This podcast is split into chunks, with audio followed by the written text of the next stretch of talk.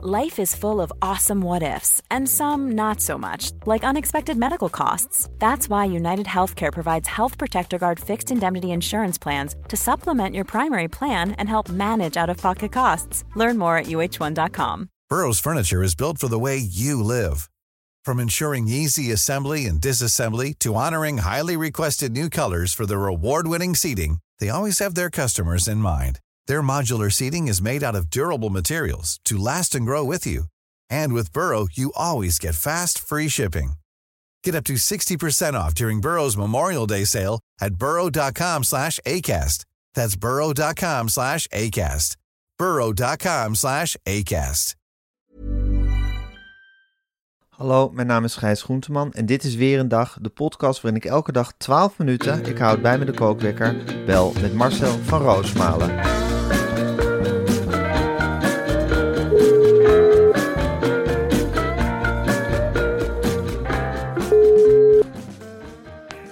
Marcel, goedemorgen. Goedemorgen, Gijs. Ik ga even, ik weet dat je altijd staat te popelen om los te branden. Uh, maar voordat we beginnen en ik de kookwerker ga zetten, wil ik even zeggen: we hebben een ontzettend leuke nieuwe sponsor. En die sponsor is Husqvarna. Oh. En dan hoor ik je denken, Marcel, ik ken je inmiddels langer dan vandaag, Husqvarna. En dan zeg ik grasmaaien. Grasmaaien vindt niet iedereen het leukste werk in de tuin. En daarom kiezen steeds meer Nederlanders voor automatisch onderhoud van hun gazon met een zogenaamde robotmaaier.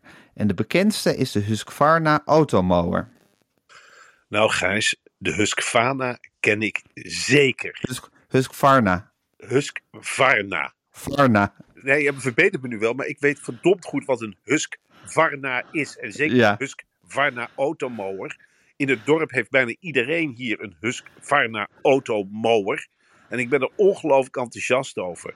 Al meer dan de helft van alle robotmaaiers in Nederland is een Husqvarna Automower. En ja. dan ook een automower voor elk gazon. Zeker. Of je nou een gezellig stadstuintje hebt of een monumentaal landgoed in Wormers, zoals jij Marcel. Er is eigenlijk voor elk soort grasveldje een Husqvarna automower. Nou, dat wou ik even gezegd hebben. Dat zijn ook belangrijke mededelingen. En dan ga ik nu de kookwekker zetten, Marcel. Want ik kom net uit de Algarve. Ik ben vanavond naar een ontzettend mooi concert van Stromae geweest in de AVAS Live. Ik heb het nieuws natuurlijk wel globaal gevolgd. Ik weet dat de Derde Wereldoorlog op uitbreken staat. Misschien wel uitgebroken is, Marcel. Geen onderwerp om je vrolijk te maken, over te maken. Maar ik vraag me af, hoe, heeft, hoe reageert Nederland hierop? Nou, uh, als een eenheid, Gijs. Ik, kan wel, ik durf wel te zeggen dat heel Nederland op dit moment aan blok achter de Oekraïne staat. En ja? Ook. Het is wel zo dat er bij mij bepaalde grenzen zijn. Ik, zag, ik zie ook bij jou, ik kijk voordat we bellen, keek ik even naar jouw Twitter-profiel. Het is gewoon nog het hoofd van Gijs Groenteman. Er is geen geel-blauw vlaggetje. Ik heb zelf ook nog niet gekozen voor een geel-blauw vlaggetje. Ik ben wel fanatiek. Ja. Het is, ja, hoe kan ik de stemming het beste? Er is een tekort aan geel-blauwe vlaggen op dit moment in Nederland. Ik zag een fantastische foto. Er was een demonstratie op de Dam. Ja duizend mensen lieten blijken dat ze achter de Oekraïne staan. Ik sta ook achter de Oekraïne. Ik, ik geloof dat je eigenlijk niet de Oekraïne mag zeggen, hè? Oekraïne, sorry. Ja, Oekraïne, ja. Bied me excuses aan. Ja, bij uh, deze. Oké, goed. Maar ik zag een, een, eh, prachtige foto van Claudia de Breij. Die heeft daar dan toch ook maar tijd voor om helemaal naar Amsterdam. Zij woont in Utrecht. Het is naar Amsterdam gegaan. Met de trein, denk ik. Dat ik weet wel zeker met de trein. Ja. Benzine wordt op dit moment ongelooflijk duur. Ga in godsnaam met de trein, niet alleen voor het milieu, maar ook om centjes uit te sparen. Ook voor de eigen portemonnee. En uh, nou ja, goed, ik zag een foto en ze hadden een foto gemaakt van iemand die van een Albert Heijn tas en een plustas een Oekraïense vlag had gemaakt. En toen dacht ik, ja, dat is... Albert Heijn tas en een Jumbo tas, denk ik Sorry, dan. Een Albert Heijn tas en een Jumbo tas. Ja. Tweede fout ja, die ik maak. gelukkig ben ik scherp ik bied weer mijn excuses aan. Het is belachelijk als je van een Albert Heijn tas en een plus, dan krijg je geen Oekraïense vlag. Dus mensen nemen een Albert Heijn tas en een Jumbo, dan heb je blauw en geel. En dat is de Oekraïense vlag. Nou ja, je treft in Nederland een ongelofelijke eenheid aan. Mensen doen echt hun best om elkaar te overtreffen in liefde voor de Oekraïne. We hebben allemaal een zekere bewondering, ik ook, voor de leider van de Oekraïne. Ja. Zelensky, je hebt er ongetwijfeld ook wel van gehoord. Ja, wat, wat een baas, zegt, heb, heb ik veel voorbij zien komen op Twitter wel. En dat is natuurlijk ook zo. het is een echte baas. je ziet er ook wel een, een, een soort hunkering naar leiderschap in die de Nederlanders lang niet gehad hebben. Wij zouden ook wel eens een baas willen, proef ik zo een beetje. Zeker. En ik heb zelf ook. Maar het is bij Zelensky ook heel erg van. Je bent eigenlijk een leuke, aimabele komiek met een beetje een chubby gezicht. En dan trek je een soort kogelwerend vest aan en je zet een, zet een helm op. En dat is dan dat contrast maak je eigenlijk dan tot een echte baas. nou, hij, mij. hij is ook wel echt een baas. En Hij is echt een baas. als ik een vergelijking moet trekken in Nederland van een komiek die een president wordt. Ik moest heel erg aan Ronald Goedemond denken. Ik denk dat die in Echt waar? Hetzelfde zou kunnen neerzetten. Die heeft diezelfde power in zich. Maar zou die niet ook een beetje eerder als Poetin eindigen? Ja, dat is. Een beetje ver, vereen- vereenzaamd achter een hele grote tafel. Nou, ik weet niet. Ik ken Ik Ronald. vind, ik vind het een schat hoor, maar ik weet niet of je. Ik ben gek op Ronald Goedemond, maar ik weet niet of je hem heel veel macht moet geven. Ik weet niet, maar ik vind een vergelijking op dit moment van Ronald Goedemond met Poetin Ver gaan. Heel ver gaan. En dat ook in, in- Dan, bied ik, dan bied ik daar mijn excuses voor aan. geaccepteerd namens Oké, oké, heel goed.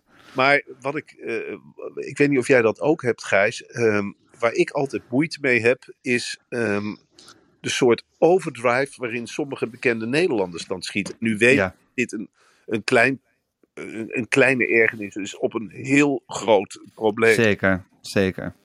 Maar ik, eh, er zijn een paar mensen aan, aan wie ik dan denk.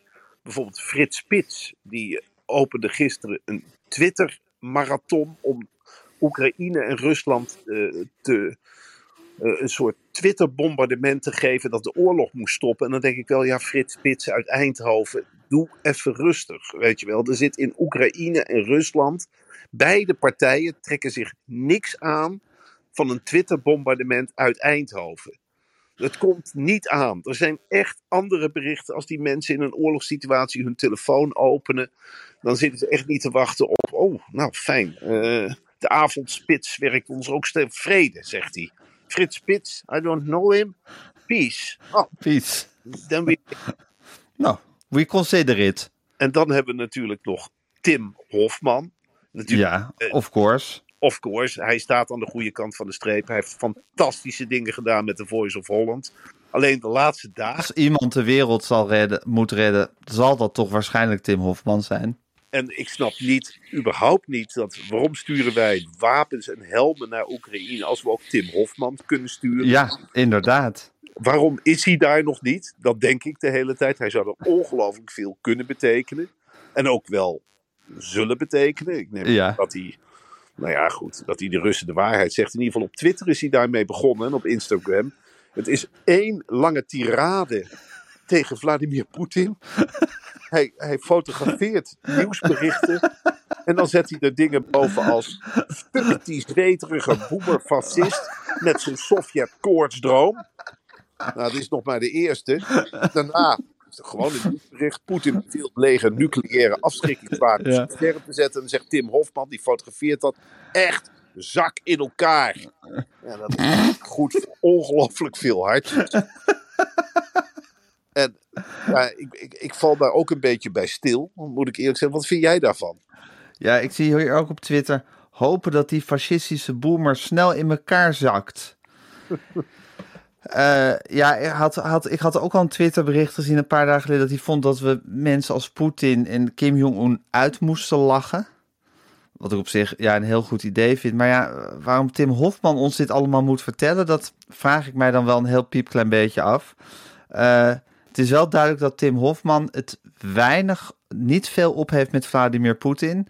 En dat hij hem ook wel een beetje voor de laatste keer heeft gewaarschuwd, hè, geloof ik. Ja, en af en toe ben ik ook wel eens bang dat Vladimir Poetin deze tweets of berichten leest. Ja, En dat hij dan denkt van, eh, fuck them, ik ga ze gewoon de oorlog verklaren. Of weet ik veel wat. En dan krijgen we hier dus te maken met een dolgedraaide Rus die ons land misschien wel wil bombarderen. ja precies. Omdat hij Ja, de hele tijd wordt er uitgevoerd. zitten natuurlijk allemaal Russisch, er zitten Russische hackers die alles weten en die overal in zitten. Misschien hebben die wel bots die, die nu Tim Hofman op het spoor zijn. En daarom wil ik Elon Musk oproepen. Zet Tim Hofman uit. Doe iets met die satelliet. Echt, dit is misschien in deze tijd niet de, de juiste weg om te gaan. Om alleen maar te schelden tegen Vladimir Poetin. En dan, ja, een man. Ja, ik weet niet, Olaf Koens, die heeft natuurlijk wel recht van spreken. Dat is Zeker, oorlogscorrespondent volgens mij. zeker. Voor welk medium is hij nou precies actief? Weet jij dat? Ik, ik dacht, Iets, iets in het RTL-erige, dacht ik. dat dacht ik ook. Zul je altijd zien dat wij dat zeggen en dat meneer een lang en breed. Bij SBS Show News zit, ja. Maar hij, hij gaat dus, hij is een, een verslaggever die ook de emotie laat meespelen. Ik, Ja, ik meente op te maken uit zijn berichten dat hij een Oekraïense vriendin heeft. Dus vandaar misschien zijn partijdigheid. betrokkenheid. Betrokkenheid, partijdigheid, logisch natuurlijk. Oekraïne is de goede kant, Rusland is fout. Laten we daar Ja. heel duidelijk over zijn. heel duidelijk. Maar als Ook wij, ik, ook wij van Weer een Dag willen dat even heel duidelijk stellen. heel duidelijk, en ook dat we het erg vinden, want we kunnen hier wel grappig lopen doen, beslist niet te Het bedoelen. is verschrikkelijk. Olaf, Olaf Koen, Koens. Nou ja, die is een dag geleden, heeft natuurlijk, en dan neem ik wel in rekenschap, dat hij ongelooflijk veel ellende heeft gezien vandaag. De man rust niet bij één nieuwtje per dag. Hij gaat van brandhaard naar brandhaard, van schuilkelder naar schuilkelder. Spreekt iedereen, ook mensen die wat anders aan hun hoofd hebben, die hun kinderen nog naar binnen willen trekken. Ho, ho, zegt Olaf Koens. I'm here from the Netherlands. Please talk to me. I bring the message to my people. En aan het eind van zo'n dag gaat hij op een veilige plek zitten. En dan schrijft hij dat dus op Twitter heerlijk van zich af. Het, hij, het levert 8.000, 9.000 hartjes op. Dus ik sta aan de verkeerde kant van de streep. Maar ik wil je toch meenemen, Gijs, in wat berichten van Olaf Koens. Ik ga niet heel flauw zijn stem nadoen. Dat moet je er maar bij denken. Maar ik lees het even voor. Olaf Koens. Anderhalve dag geleden. Ik weet al de hele dag niet wat ik moet zeggen. Laat staan schrijven. Ik kan alleen maar denken aan al die mensen, al die lieve, fantastische Oekraïners, waar ik me nu zo verschrikkelijk veel zorgen over maak. Wie? Vraagtekentje. Tweet 2. Ik denk aan Jura, de oude politieagent uit Maripol, die mijn leven wist te redden, waar ik hem iedere dag dankbaar voor ben. Maanden later moesten we in de auto daar zo hard om lachen dat we een greppel inreden. Bizar avontuur, vind ik eerlijk gezegd Heel raar. aan mijn schoonfamilie van net boven de Donetsk. De kinderen van een broer van, was het een neef? Nou ja, hoe zat het ook alweer? Wat maakt het uit? We Ja. zijn familie. Kom, Ja. drinken. Nog even, de abrikozen sta- nog even en de abrikozenboom staat bijna in bloei. Ja, Tsjechov-achtig. En dan hier, dan gaat hij gewoon verder met zijn... Aan dat brutale, slimme meisje van een jaar of twaalf. Dat in de oorlog van 2014, ik denk dan meteen, zit je er al zo lang, jongen. Op de loop van een uitgebrande tank zat. Voor jou is dat bijzonder, zei ze. Voor mij is het normaal. Ja, is ook heel normaal om in de Oekraïne op de loop de van Oekraïne. uitgebrande tank te gaan zitten. Ja, niet de Ze wilde veearts worden, omdat je dan dieren en mensen kunt helpen. En deze vind ik ook mooi. Aan de zuster in de SOA-kliniek in een buitenwijk van Kiev, die mij door mijn haren streek en zei: Sorry jongen, dit gaat even pijn doen. Maar zo gaat dat nou eenmaal in de liefde. Ah, Ja, dus Olaf, die heeft al zoveel meegemaakt daar in het oosten van Europa. In het diepe oosten van Europa. aan die jongens van de plaatselijke brandweer op de rampplek van vlucht MH17. We dronken om het te vergeten, maar we, we vergaten het nooit. Nooit meer. En nou, nou ja, goed, dan denk ik bij mezelf. Ik vind dit ongelooflijk interessant om allemaal te lezen. Maar ik denk ook van, jongen, eh, ga je er niet heel erg in op? Waar is de objectieve verslaggeving gebleven van, goh, Ja, je bent correspondent, toch?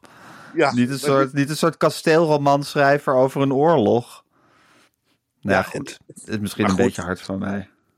Ja, en laten we daar vooral ook niet te hard over. Jij bent Nee, nog nooit in een niet- oorlogssituatie. Nee, ik moet er ook helemaal niet over oordelen. Ik moet zeggen, wat ik ook wel erg vond, en daar werd ik op gewezen door God beter, de Twitterfeed van Vier Duk. Dat, dat, dat Kajsa Ollongren had, had ook een tweet verstuurd.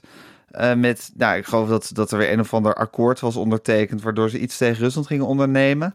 En daar had ze dan zo'n zo'n zo'n emoji van, van, van zo'n van zo'n vuistje met zo'n spierballetje bijgezet. Nou ja, ik vond dat eigenlijk wel sterk hoor. Ach, flikker op, man.